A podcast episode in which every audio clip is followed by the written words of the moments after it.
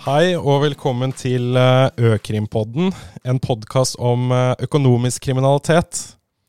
Eh, mitt navn er Fredrik Grimstad. Jeg sitter her med Bjørn Mæland og Erling Grimstad. Og i denne podkastserien, som handler om økonomisk kriminalitet, vil vi begynne med hvitvasking som tema. Vi vil snakke om hvitvasking og rapporteringspliktig anti-hvitvaskingsarbeid i episodene fremover. Uh, kan ikke du fortelle formålet med denne podkasten, Erling? Ja, jeg kan jo begynne med det at uh, jeg har hele mitt yrkesaktive liv uh, egentlig bistått virksomheter med å beskytte seg mot økonomisk kriminalitet. Dette er et ganske omfattende og komplisert tema som virksomheter har ulik erfaring med, det være seg offentlig sektor eller privat næringsliv. Vi vil gjerne dele noen av de erfaringene vi har gjort oss eh, i saker vi bistår kunder med. Eh, selvfølgelig helt anonymisert, men basert på den kunnskapen vi har om dette. Hvor er det typisk at skoen trykker? Hvor eh, oppstår risikoen? Og hvilke tiltak kan virksomheter gjøre for å beskytte seg mot økonomisk kriminalitet? Det er tanken og ideen bak denne podkasten. I den siste tiden har det vært mye snakk om hvitvasking i media, men hva er egentlig den uh, handlingen som, som er hvitvasking, Bjørn? Ja, Det er et uh, veldig godt spørsmål. Og det helt ærlige svaret på det er at det er, uh, det er ikke en god og klar definisjon på hva hvitvasking er. Eh, og det kan gjøres på utrolig mange forskjellige måter, som gjør det selvfølgelig da mye vanskeligere å oppdage. Men som en helt sånn overordnet definisjon på hvitvasking, så kan man si at det er handlinger som på sett og vis eh, og på ulike måter bidrar til å sikre utbytte av en straffbar handling. Eh, og da kan det f.eks. dreie seg om det at man skjuler hvor et utbytte befinner seg, eller det at man prøver å bryte tilknytningen mellom den bakenforliggende straffbare handlingen som har generert utbytte, og de pengene man har for hånd. Eh, så det er sånn i korthet hva hvitvasking er for noe.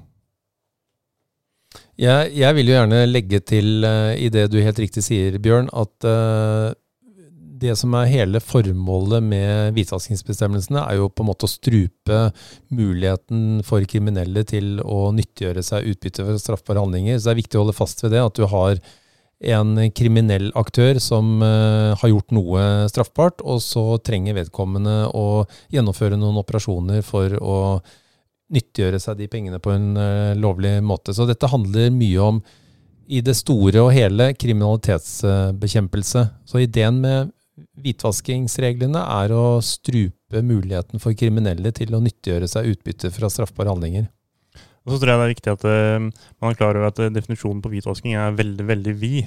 slik at Det er ikke bare f.eks. dette med uh, rene penger det er snakk om. Det kan være andre ting også. og Da tenker jeg på typisk informasjon som er stjålet, eller, eller andre typer verdier.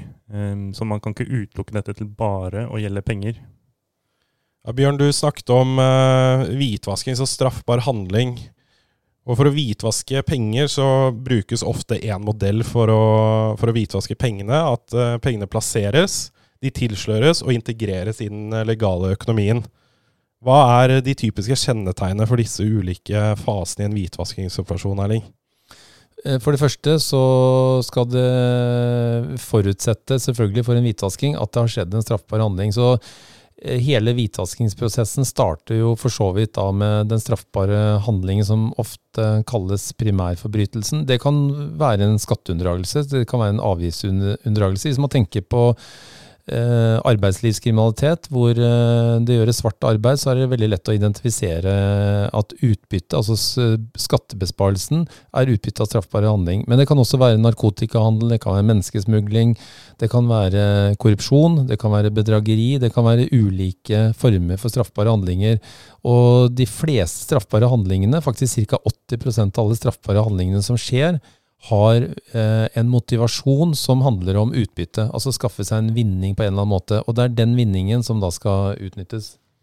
Ja, så, Sånn kort fortalt så kan man si at eh, enhver handling som på sett vis genererer et utbytte, så har man behov for å hvitvaske det utbyttet på en måte. Ja, og, og, klart at for gjerningspersonen eller gjerningspersonene så er det lett å bli, bli, avslørt hvis man har befatning med disse pengene, så man trenger å gjøre en, en viss prosess for å tilsløre at dette er midler som stammer fra straffbare handlinger, eller at man selv hadde befatning med den straffbare handlingen. Så jeg, jeg skal kort prøve å forklare hvilke tre faser en hvitvaskingsprosess eh, som regel går gjennom. Den første fasen kaller vi ofte plasseringsfasen. Eh, og det er det tidspunktet som er mest sårbart for den som prøver å hvitvaske penger. fordi at da trenger vedkommende kanskje å åpne en konto, en bankkonto, eller komme til en uh, virksomhet som uh, ofte kan være en rapporteringspliktig virksomhet, med utbytte fra straffbare handlinger. Og hvis den, den rapporteringspliktige virksomheten, typisk en bank, gjør en kundekontroll, så kan de oppdage at her er det noe som ikke stemmer. Denne personen skulle ikke ha så mye midler Eh, i sitt eget eh, eie, eller som vedkommende hadde disposisjonsrett over, og begynne å stille spørsmål som kan gjøre at uh, den som prøver å hvitvaske penger, kan avsløres i plasseringsfasen. Men den første fasen er altså denne plasseringsfasen. Den neste fasen, fase nummer to, kalles ofte tilsløringsfasen.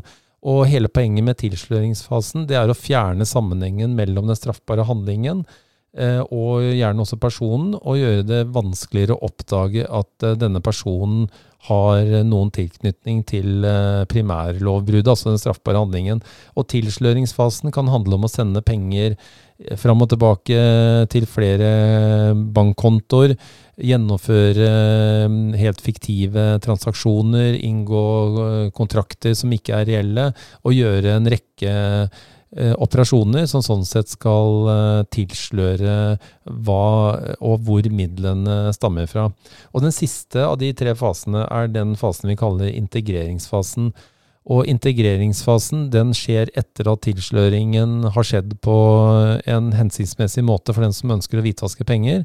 Og hvis tilsløringen har vært eh, gjennomført på en, en, måte som bidrar til tilsløring, så kan pengene settes inn i det lovlige Eh, systemet gjennom denne integreringsfasen. Og for at eh, eh, jeg skal forklare dette på en enkel måte med et eksempel, så kan man tenke seg at en person kjøper et oppussingsobjekt, f.eks. en leilighet bruker da utbytte fra straffbare handlinger for å pusse opp eh, denne leiligheten eh, svart, og det er tilsløringsfasen. Og så, når oppussingen har skjedd og leiligheten selges, så får man en gevinst, salgsgevinst eh, på den høyere verdien av leiligheten som selges, og da kan den verdien, verdiøkningen, gevinsten, brukes på lovlig måte uten at noen vil stille spørsmål, fordi at man vet at dette er utbytte Unnskyld, det er fortjenesten fra salg av en leilighet. Det er en enkel måte å forklare trefasemodellen på. Jeg har et uh, spørsmål til deg, Erling. For nå har vi snakket om disse tre fasene, som også er plassering, tilsløring, integrering. Men er det slik at alle hvitvaskingshandlinger går gjennom de tre fasene? Og kanskje enda viktigere spørsmål, er det slik at hvis man ikke har vært gjennom de fasene, har man da ikke hvitvasket penger, og dermed ikke kan straffes? Nei, altså Til det siste først. da. Det er jo åpenbart at man kan straffe selv om man ikke har vært gjennom disse fasene. Eh, og til det første du spurte om, dette er bare en sånn skjematisk oppstilling som er litt eh, teoretisert for at eh, folk skal forstå hvordan hvitvasking foregår. Men det er jo mange eksempler på at hvitvasking foregår uten at man er gjennom disse tre fasene. La meg ta et eksempel. Eh, en eh, narkoman som kanskje har begått vinningsforbrytelser for å klare å betale for dop vedkommende kjøper på gata, har kanskje en, eh, en bunt med kontanter i en lomme som stammer fra salg av gjenstander, gjenstander vedkommende har stjålet i en privat leilighet, solgt på gata, kontanter puttet i lomma. Han går ned på Eh, i, sentrum av en by og kjøper, et, uh, kjøper, det dopet han vil ha. Og hvis han da i, uh, i andre lomma har en vinnerkupong fra f.eks. et pengespill, så kan han gjennom å vise den vinnerkupongen forklare politiet som tilfeldig kontrollerer han, at disse pengene stammer fra gevinst fra pengespill. Det er en sånn veldig enkel måte å gi et eksempel på at trefasemodellen ikke gjelder i alle tilfeller. Og det er masse andre eksempler på det. Det er riktig det du sier, Erling, at uh, en hvitvaskingsoperasjon må ikke gå gjennom alle de tre fasene. Uh, mange begynner jo å tenke på hvitvaskingsloven når vi snakker om hvitvasking. Men den kriminelle handlingen hvitvasking er jo regulert etter straffeloven, med hvitvasking, helleri og selvvask. Kan ikke du ta oss gjennom de tre tre straffe, straffebudene, Bjørn? Jo, absolutt. Nå skal ikke vi eh, lage en kjempedyp juridisk eh, utredning om eh, disse tre tilfellene, men sånn helt kort fortalt så er det jo da det er tre handlinger som på en måte er dekket av dette hvitvaskingsbegrepet. Da. Og det er hvitvasking, helleri og selvvasking. Og som vi var inne på i stad under definisjonen av hvitvasking, så tar nettopp den hvitvaskingsbestemmelsen, og da er vi i straffeloven, som sagt, eh, sikte på å ramme tredjemenn, altså personer som ikke har begått den bakenforliggende straffbare handlingen, men personer som hjelper gjerningsmannen med å eh, skjule eller tilsløre utbytte. Eh, og det kan gjøres på veldig veldig mange måter, som Erling har vært gjennom. F.eks. det å eh, Hvis en advokat krever inn penger Eh, på vegne av en eh, klient som eh, har fremskaffet disse pengene på ulovlig vis, så er det en, en innkrevingshandling som vil være dekket av hvitvaskingsbegrepet. Eller hvis det er en person som spør en kompis om han kan oppbevare disse pengene i en liten periode, som da viser seg å være utbytte, så vil det også være en hvitvaskingshandling. Da. Og, og poenget med hvitvasking er nettopp det at det er en tredjemann som hjelper gjerningsmannen med å, eh, å hvitvaske disse pengene. Og så har du et annet tilfelle, som det er dette med helleri. Og Det kan f.eks. være da hvis, eh, hvis, du, Fredrik, begår en eh, straffbar handling, men så er det egentlig jeg som er bakmannen og sitter og tjener på dette. Så det at du da eh, eller selger narkotika f.eks. på vegne av meg, og så er det jeg som tar imot det endelige utbyttet, eh, så er det en hellerihandling som er dekket av, eh, av hvitvasking også. Og så har du det siste og eh, aller mest spennende temaet, etter min mening. Jeg skrev oppgave om dette temaet, eh, som er selvvasking. Eh, og det er på mange måter litt det samme som hvitvasking, men da er det den personen som har begått den straffbare handlingen, som også står for hvitvaskingshandlingen. Og det er ikke rett frem i norsk rett om man kan uh, dømmes både for den bakenforliggende handlingen og hvitvaskingshandlingen. Og grunnen til det er at man eh, i norsk rett og europeisk rett eh, for øvrig har et vern mot dobbeltstraff. Og det er nettopp dette med at man ikke kan straffes to ganger for samme handling, som begrunner eh, at man har en egen regel om selvvasking. Men, Bjørn, til det, det, du sier nå, betyr det at f.eks. For et foretak som gjør seg skyldig i avgiftsunndragelse eller straffbar skatteunndragelse, og sånn sett får en besparelse i skatt eller avgift, hvis de bruker de pengene på andre måter i driften sin, så uh, har de begått en straffbar handling etter altså bestemmelsen om hvitvasking i straffeloven som selvvask. Er det det du egentlig sier?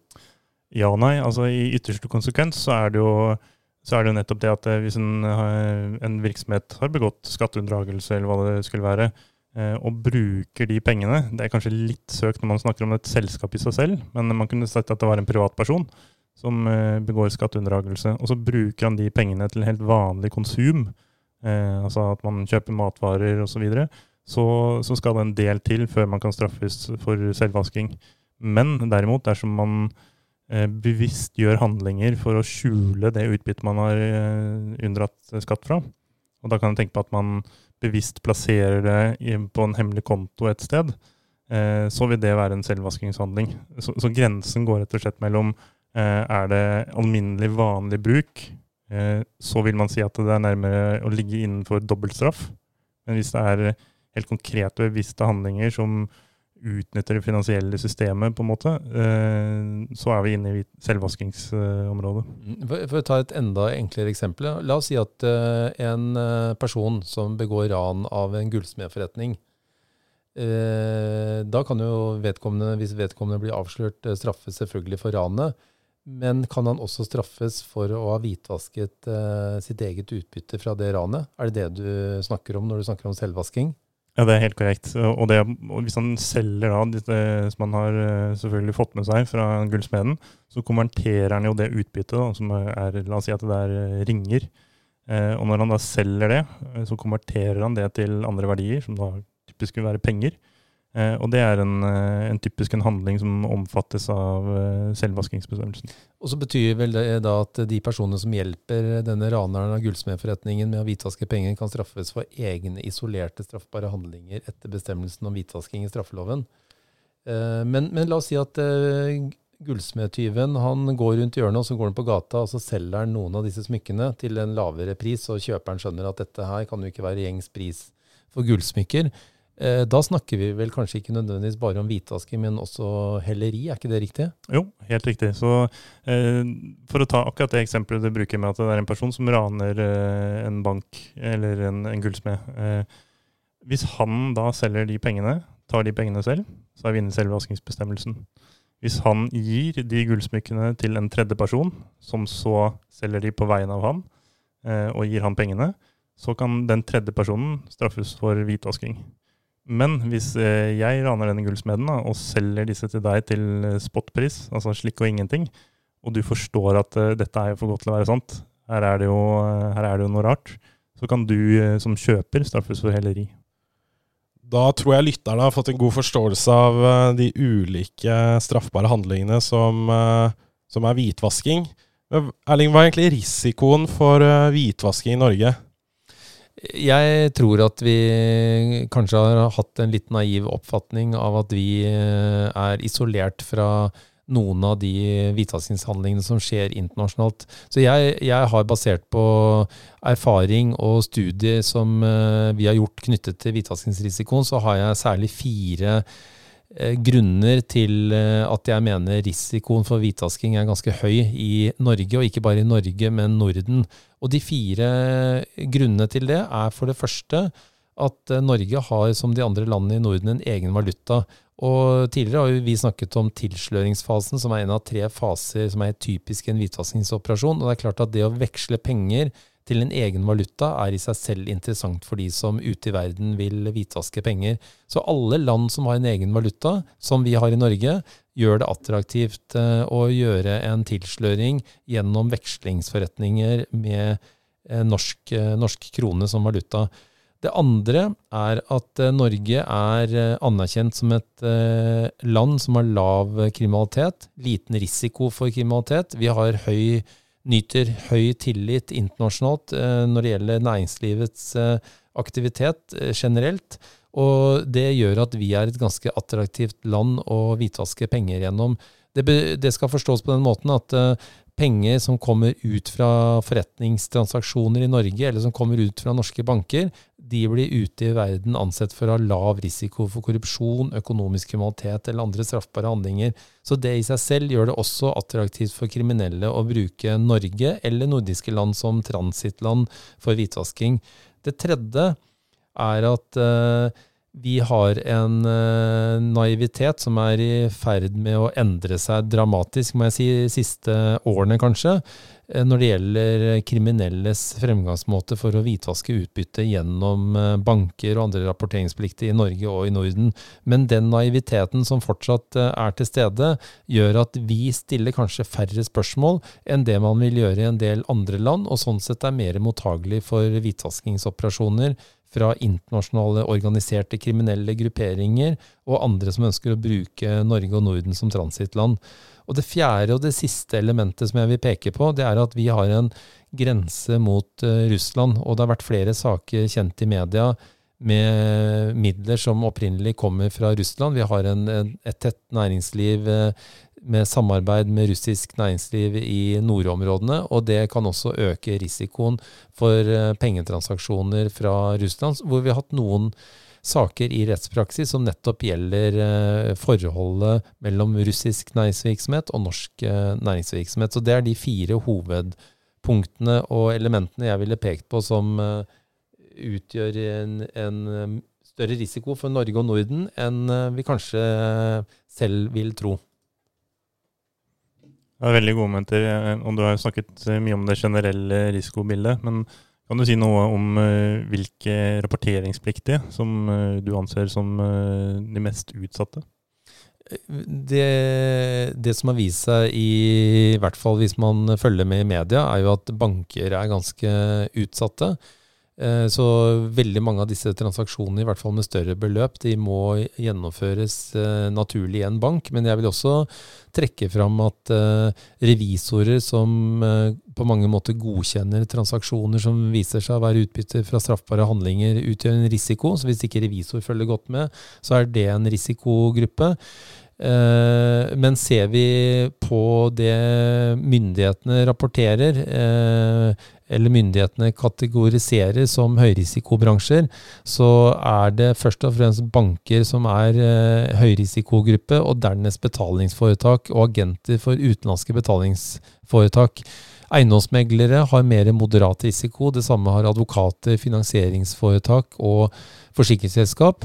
Mens kredittforetak og revisorer, som jeg snakket om, er eh, benevnt som aktører som har lav risiko, sammen med regnskapsfører og verdipapirforetak. Og dette er en løpende kategorisering som myndighetene følger med på, og hvor bildet endrer seg noe, ikke veldig mye, men altså banker og betalingsforetak som de bransjene blant rapporteringspliktige foretak som anses for å ha høyest risiko.